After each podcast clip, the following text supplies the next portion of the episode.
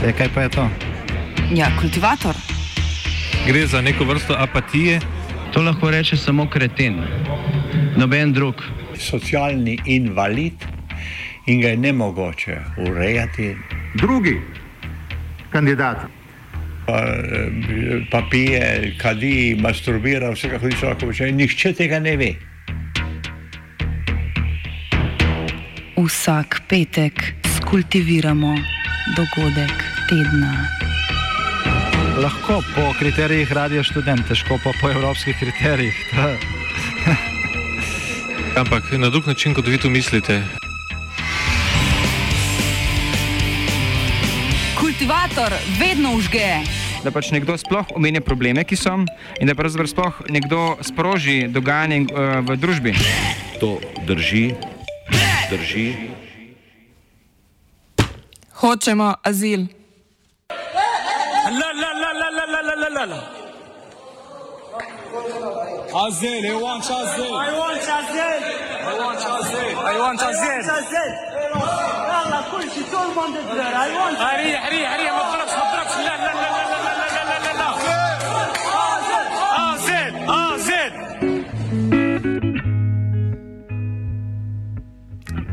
temi vzkliki so migranti zaprti v centru za tujce v postojni protestirali proti obljubljeni deportaciji in zahtevali sprožitev postopka za mednarodno zaščito. V centru so trenutno zaprti tako migranti, ki čakajo na deportacijo, kot tisti, ki so uspeli oddati prošnjo za azil in so v azilnem postopku. Ker gre za novo prakso, se v centru nahaja bistveno več migrantov kot do sedaj. Medtem ko jih je bilo ponavadi nekaj deset, jih je sedaj v centru skoraj 200. Zaradi premajhnih kapacitet je uprava centra namestila dodatne kontejnerje za bivanje v bližnjo halo, kjer migrantom delijo hrano in jih zdravniško pregledujejo kar skozi rešetke. Razloge za protest predstavi Miha Blažič iz delovne skupine za azil. Do protestov v postojnskem centru za tujce je prišlo zaradi tega, ker uh, osebam ni bilo dovoljeno zaprositi za azil v tem času, ko so zahtevali možnost obravnave, uh, so jim policaji uh, odvračali, da jih bojo vrnili v Bosno, um, odkudar so prišli. Ne, se pravi, nekako so želeli uveljavljati to pravico do, do tega, da so obravnavani kot prosilci za azil. Ali pa saj, da uveljavljajo pravico nevračanja zaradi nehumanih razmer, ki so jih bili deležni na Hrvaškem in v Bosni. Mm, No, in potem v torek so eno skupino de, tudi odpeljali, in takrat so pač videli, da če ne bodo imeli možnost, v bistvu zaprositi za azil, ne bodo imeli možnost pravne obravnave, in so se odločili za protest, da na nek način opozorijo nas. Uh, želeli so tudi uh, pravno pomoč, do katere niso prišli, nasploh niso mogli priti v, v stik uh, z ljudmi od zunaj, ki bi jim pomagali, zato so se odločili za, za tako radikalnejšo potezo. Omenili smo, da je v centru za tujce bistveno več migrantov, kot jih predvidevajo nastanitvene kapacitete centra. Povečano število tamkajšnjih migrantov je posledica spremenjene policijske prakse, razloži Blažič. Če je v tem uh, normalnem oddelku sicer kapaciteta za okoli 50 ljudi, je bilo na, na vrhuncu zdaj tudi 200 ljudi uh, in so jih uh, dejansko uh, prenočevali v kontejnerjih v enih skladiščnih prostorih. Um, se pravi, definitivno ne gre za normalne razmere. To pa je posledica v bistvu večjih faktorjev. Eno je nova politika Ministrstva za notranje zadeve, ki se daj tudi vsem prosilcem za azil, tudi tistih, tistim, ki jih vzame v obravnavo, uh, omeji gibanje. Se pravi, um, vsi grejo najprej v zapor, če povem zelo poenostavljeno. Tisti, ki so sicer prosilci, se lahko pritožijo, tisti, ki pa se jim ne dovoli zaprositi za azil, pa niti nimajo možnost pritožbe. Ne. Se pravi, um, število se je že zaradi tega ukrepa uh, bistveno povečalo, drugo je pa tudi to, da Hrvaška več po tako hitrih postopkih ne sprejema ljudi nazaj in zaradi tega so v 14-dnevni karanteni v centru za tujce, predn so vrnjeni v Hrvaško in potem do Bosno. In to je pripeljalo do precejšnjega kaosa v centru za tujce. Tam ljudje očitno niso uh, dobro oskrbljeni, še vedno so v oblačilih, s katerimi so prišli po balkanski poti. Um, še vedno nimajo vsi oskrbljenih hran, še vedno niso prišli vsi niti do, do tuša, uh, vecejev naj ne bi bilo dovolj. Skratka, uh, razmere so zelo slabe in to se vidi tudi na, pri osebju in policistih, ki v centru za tujce delajo, ki so vidno znervirani nad situacijo, ki jo ne morejo obvladovati. Gre za prakso zadnjih dveh mesecev, saj se predtem prosilcev za azil ni pridrževalo.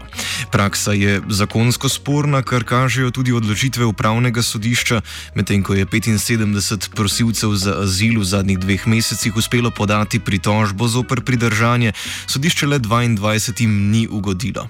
Kljub temu policija sporno prakso nadaljuje. Pop TV je nedavno objavil izseke internih navodil policiji, ki predvidevajo pridržanje prosilcev za azil, še preden odločba o njihovi zaščiti postane pravnomočna. Citiramo: Namen je, da tujcu, ki po prejetju zaradi nezakonitega prestopa meje izrazi namero zaprositi za mednarodno zaščito, po opravljenih postopkih policije in hitri izvedbi postopkov po mednarodni zaščiti, torej sprejemu prošnje, opravljenemu razgovoru in odločitvi, do pravnomočnosti in izvršljivosti negativne odločbe o mednarodni zaščiti, omejimo gibanje v centru za tujce in tako omogočimo bodi si vračanje v državo, iz katere je predhodno prišel, bodi si vračanje v izvorno državo. S tem tujcu onemogočimo nadaljno potovanje v ciljno državo oziroma zlorabo postopka mednarodne zaščite, posredno pa zmanjšujemo privlačnost smeri nezakonitega potovanja preko naše države. Konec citata, komentira pa Blažič. Praksa, ki je nova, je ta, da se vse prosilce za azil, tudi se pravi te, ki so sprejeti v postopek, ki se obravnavajo kot prosilci za azil, uh, vseeno uh, zapre v centre za tujce. To, to ni bila normalna praksa prej. Um, je pa to nekaj, kar predvideva nov predlog zakona o mednarodni zaščiti, ki je pač notranje ministrstvo predlagalo in ki je zdaj v, v fazi komentiranja. Uh, uh, ampak uh, ministrstvo že izvaja direktive v tej smeri, kot da bi pač uh, ta nov zakon že bil sprejet. Uh, se pravi, tu gre za novo prakso, zaradi tega je tudi več ljudi zaprtih.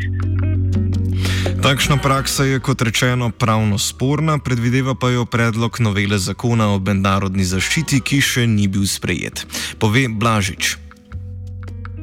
Novi zakon o tujcih je že nekoliko dlje, je že šel skozi medresorsko usklajevanje zakon o mednarodni zaščiti, uh, nov pa je šele v bistvu šel v javno obravnavo, ravno kar so se, se komentiranje zaključilo. In v bistvu vidimo, uh, ko bi rekel, standardno prakso, da uh, Ministrstvo za notranje zadeve se začne že obnašati, kot da bi zakon bil že sprejet, se pravi pač določene ukrepe preko notranjih direktiv že izvaja v praksi, tudi do pushbackov je na ta način prišlo. Ne? In potem naknadno z zakonskimi predlogi uh, poskuša, tudi če zgublja tožbe na tem področju, to predstavi v parlamentu kot lejte, očitno zakon ni usklajen z prakso na terenu, zato je potrebno spremeniti zakona, ne, ne pa prenehati izvajati teh praks. In uh, tukaj mislim, da gre za enak primer, se pravi, pač točno v mesecu, ko so ti novi predlogi bili dani v javno obravnavo, je policija začela izvajati pač to omejevanje gibanja prosilcev za azil. Takšna praksa sicer sledi mačarski, čeprav je sodišče Evropske unije letos pomladi prakso mačarske razglasilo za nezakonito in jo je ta morala nehati izvajati. Sedaj to prakso uvaja Slovenija se enostavno uh, gre za, za prakso, ki je prekopirana od mađarskega modela uh, in kot rečeno, nima ne na evropski, ne na nacionalni ravni nobene zakonske utemeljitve. Ne. In, in kljub temu pa pač to, to zapiranje poteka. Mečkem, če bolj ponazorim, zakaj gre omejevanje gibanja v centru za tujce, to je de facto zapor. Ne. Se pravi, pač gre za uh, najstrožji ukrep, uh, najhujši poseg v človekovo svobodo, ki mora biti po slovenski ustavi uh, zelo, zelo dobro utemeljen. Uh, tukaj pa se dejansko uh, osebam, ki niso storile no, nobenega dejanja, ki, ki ničemer ne utemeljujejo niti begosumnosti, m, odreja arbitrarno od uh, šestih mesecev pa do enega leta v bistvu pri, pripora. Ne. Se pravi, to je popolnoma neuskladljivo z uh, kakršno koli ustavo. Ne. In smo vsi zelo presenečeni, da se je to znašlo v predlogih zakona o mednarodni zaščiti. Seveda pa rekel, človek že več ne more biti presenečen nad tem, da se, da se to na terenu samo dogaja.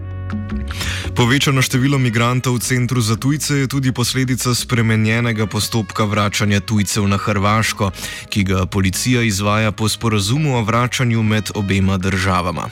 Gre za tujce, ki po navedbah policije neregularno prestopijo mejo, a v Sloveniji ne zaprosijo za azil. A, kot je med drugim pokazala nedavna sodba ustavnega sodišča v primeru Kamerunca, je takšen postopek pogosto nezakonit, saj omogoča kolektivne izgone na Hrvaško, policija pa prošen za azil migrantov pogosto preprosto ne zabeleži in jih vrne kot neregularne migrante. V zadnjem času je policija takšen postopek spremenila. Hrvaška policija je v nekaterih primerjih začela zavračati migrante, ki tako niso takoj vrnjeni, ampak 14 dni preživijo v centru za tujce. Blažič meni, da je to predvsem posledica epidemije COVID-19. Očitno gre za, za novo prakso in težko je točno ugotoviti, kaj je logika za tem. Lahko sklepamo, da glede na to, da po 14 dnevih karantene so vrnjeni, je to definitivno povezano bolj z ukrepi, z omejevanjem epidemije, kot pa z kakšnimi pač eh, poročili in eh, očitki o ravnanju hrvaških policistov. Tako da sklepamo, da gre, da gre bolj za ukrepe v tej smeri, da zahtevajo pač od Slovenije, da upravi karanteno kakšnih bistveno večjih informacij v zvezi s tem, kako je do teh odločitev prišlo na Hrvaškem, pa, pa nimamo.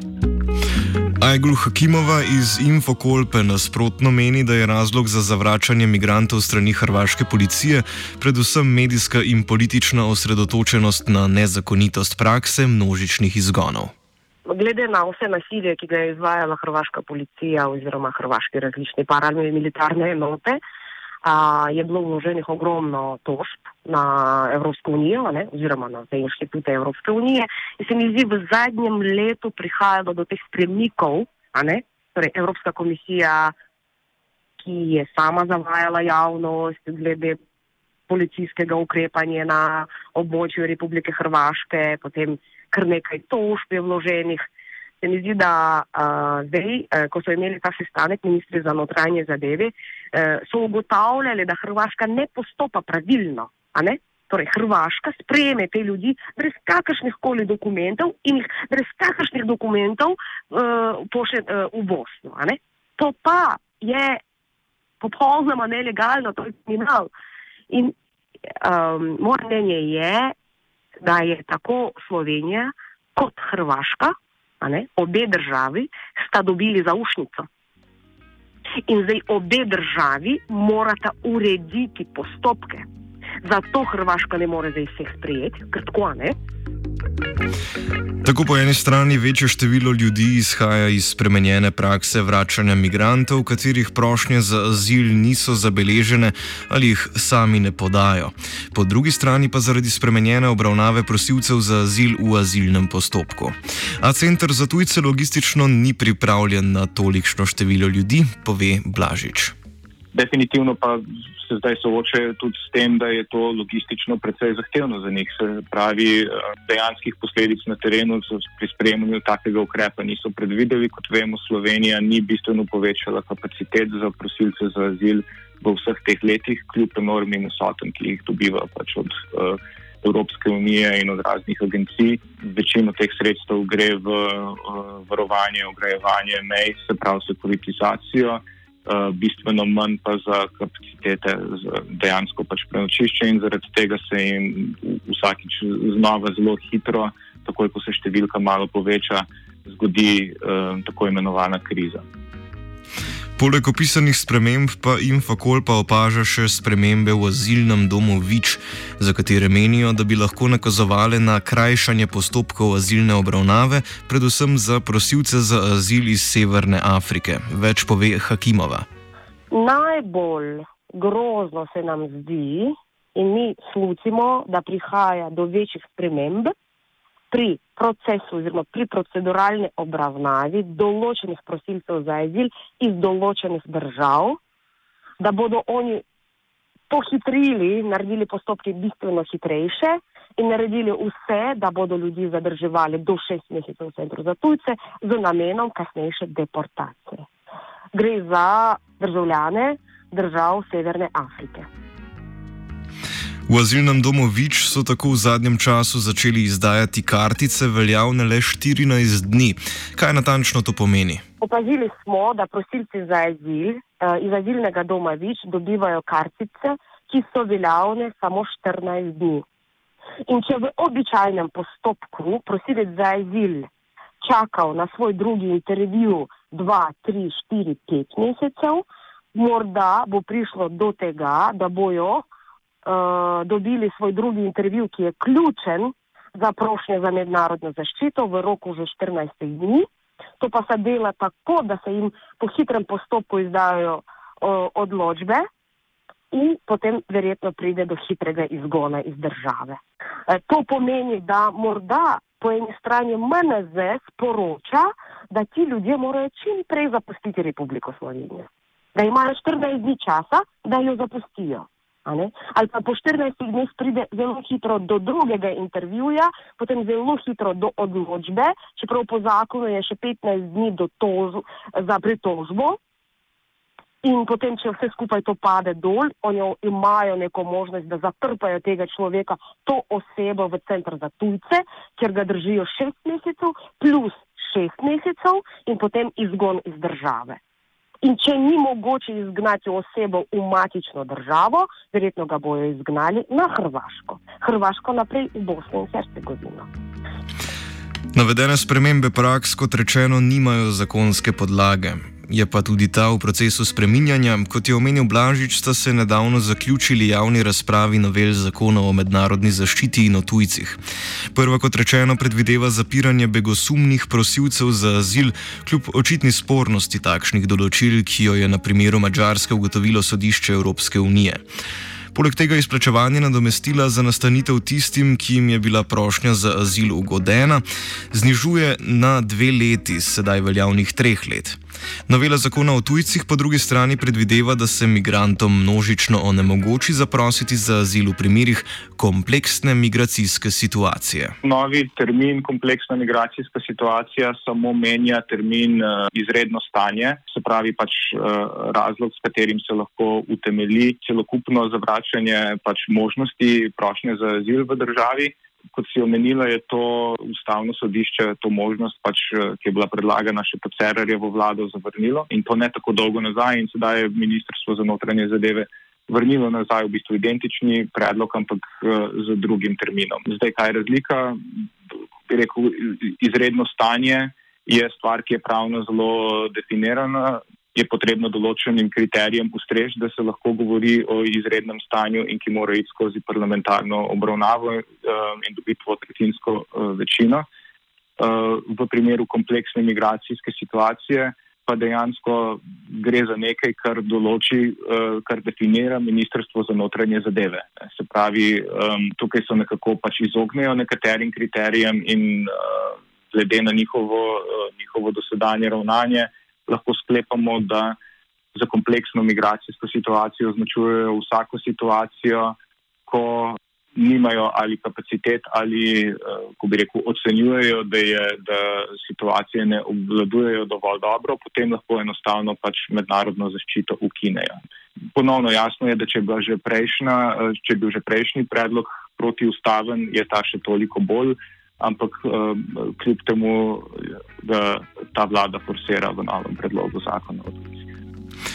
Dalje novela zakona o tujcih otežuje združevanje z družinami, pove Blažič. Eh, najhujši ukrepi so recimo na področju uh, združevanja z družinami. Tukaj se pač kriteriji zelo zaostrijo in rok čakanja na združitev z družino podaljša na, na dve leti. Prav tako minimalni znesek iz minimalnega zneska, ki ga mora uh, tujec v Sloveniji imeti za to, da lahko družinski člani uh, bivajo z njim, se izuzema uh, delovne dodatke kar pomeni, da nenadoma eh, je cel kup eh, družin, ki morda v Sloveniji celo že živijo in imajo dovoljenje za bivanje, to dovoljenje izgubijo, ker ne bojo več mogli eh, izkazovati zadostnih sredstev.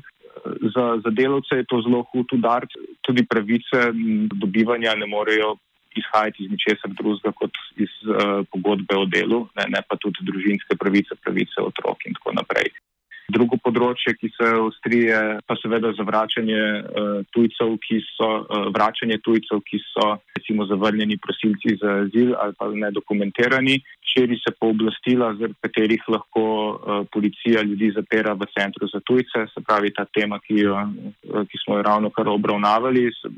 Razlogi za odozem prostosti do enega leta so zelo arbitrarni tudi to, kaj lahko počne z osebnimi podatki, kako lahko do njih pride policija, se uh, dobijo tukaj izredna pooblastila. Tudi tujim otrokom novela zakona o tujcih grozi s poslabšanjem stanja in morebitno deportacijo. Drugo pa so otrokove pravice, se pravi, otroci, ki se šolajo, uh, tuji otroci, ki se šolajo, imajo seveda možnost začasnega zadrževanja uh, po zakonu v času šolanja.